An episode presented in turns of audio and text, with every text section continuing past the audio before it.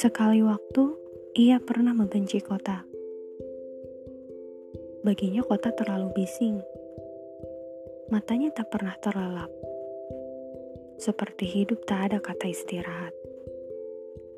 Sampai akhirnya, ia memilih hutan untuk menepi. Menyembunyikan diri dari gemerlapnya isi bumi. Pikirnya sudah tak lagi mengadu. Nyatanya, ia malah terpuruk jatuh. Sendiri, gelap, tak ada bunyi. Bahkan sekadar melihat diri pun ia tak mampu. Heran, apa yang salah pikirnya? Ia hanya mencari nyamannya. Tapi perlahan ia pun menyadari bahwa melarikan diri bukanlah solusi. Nyaman memang kebutuhan, tapi hidup butuh perjuangan.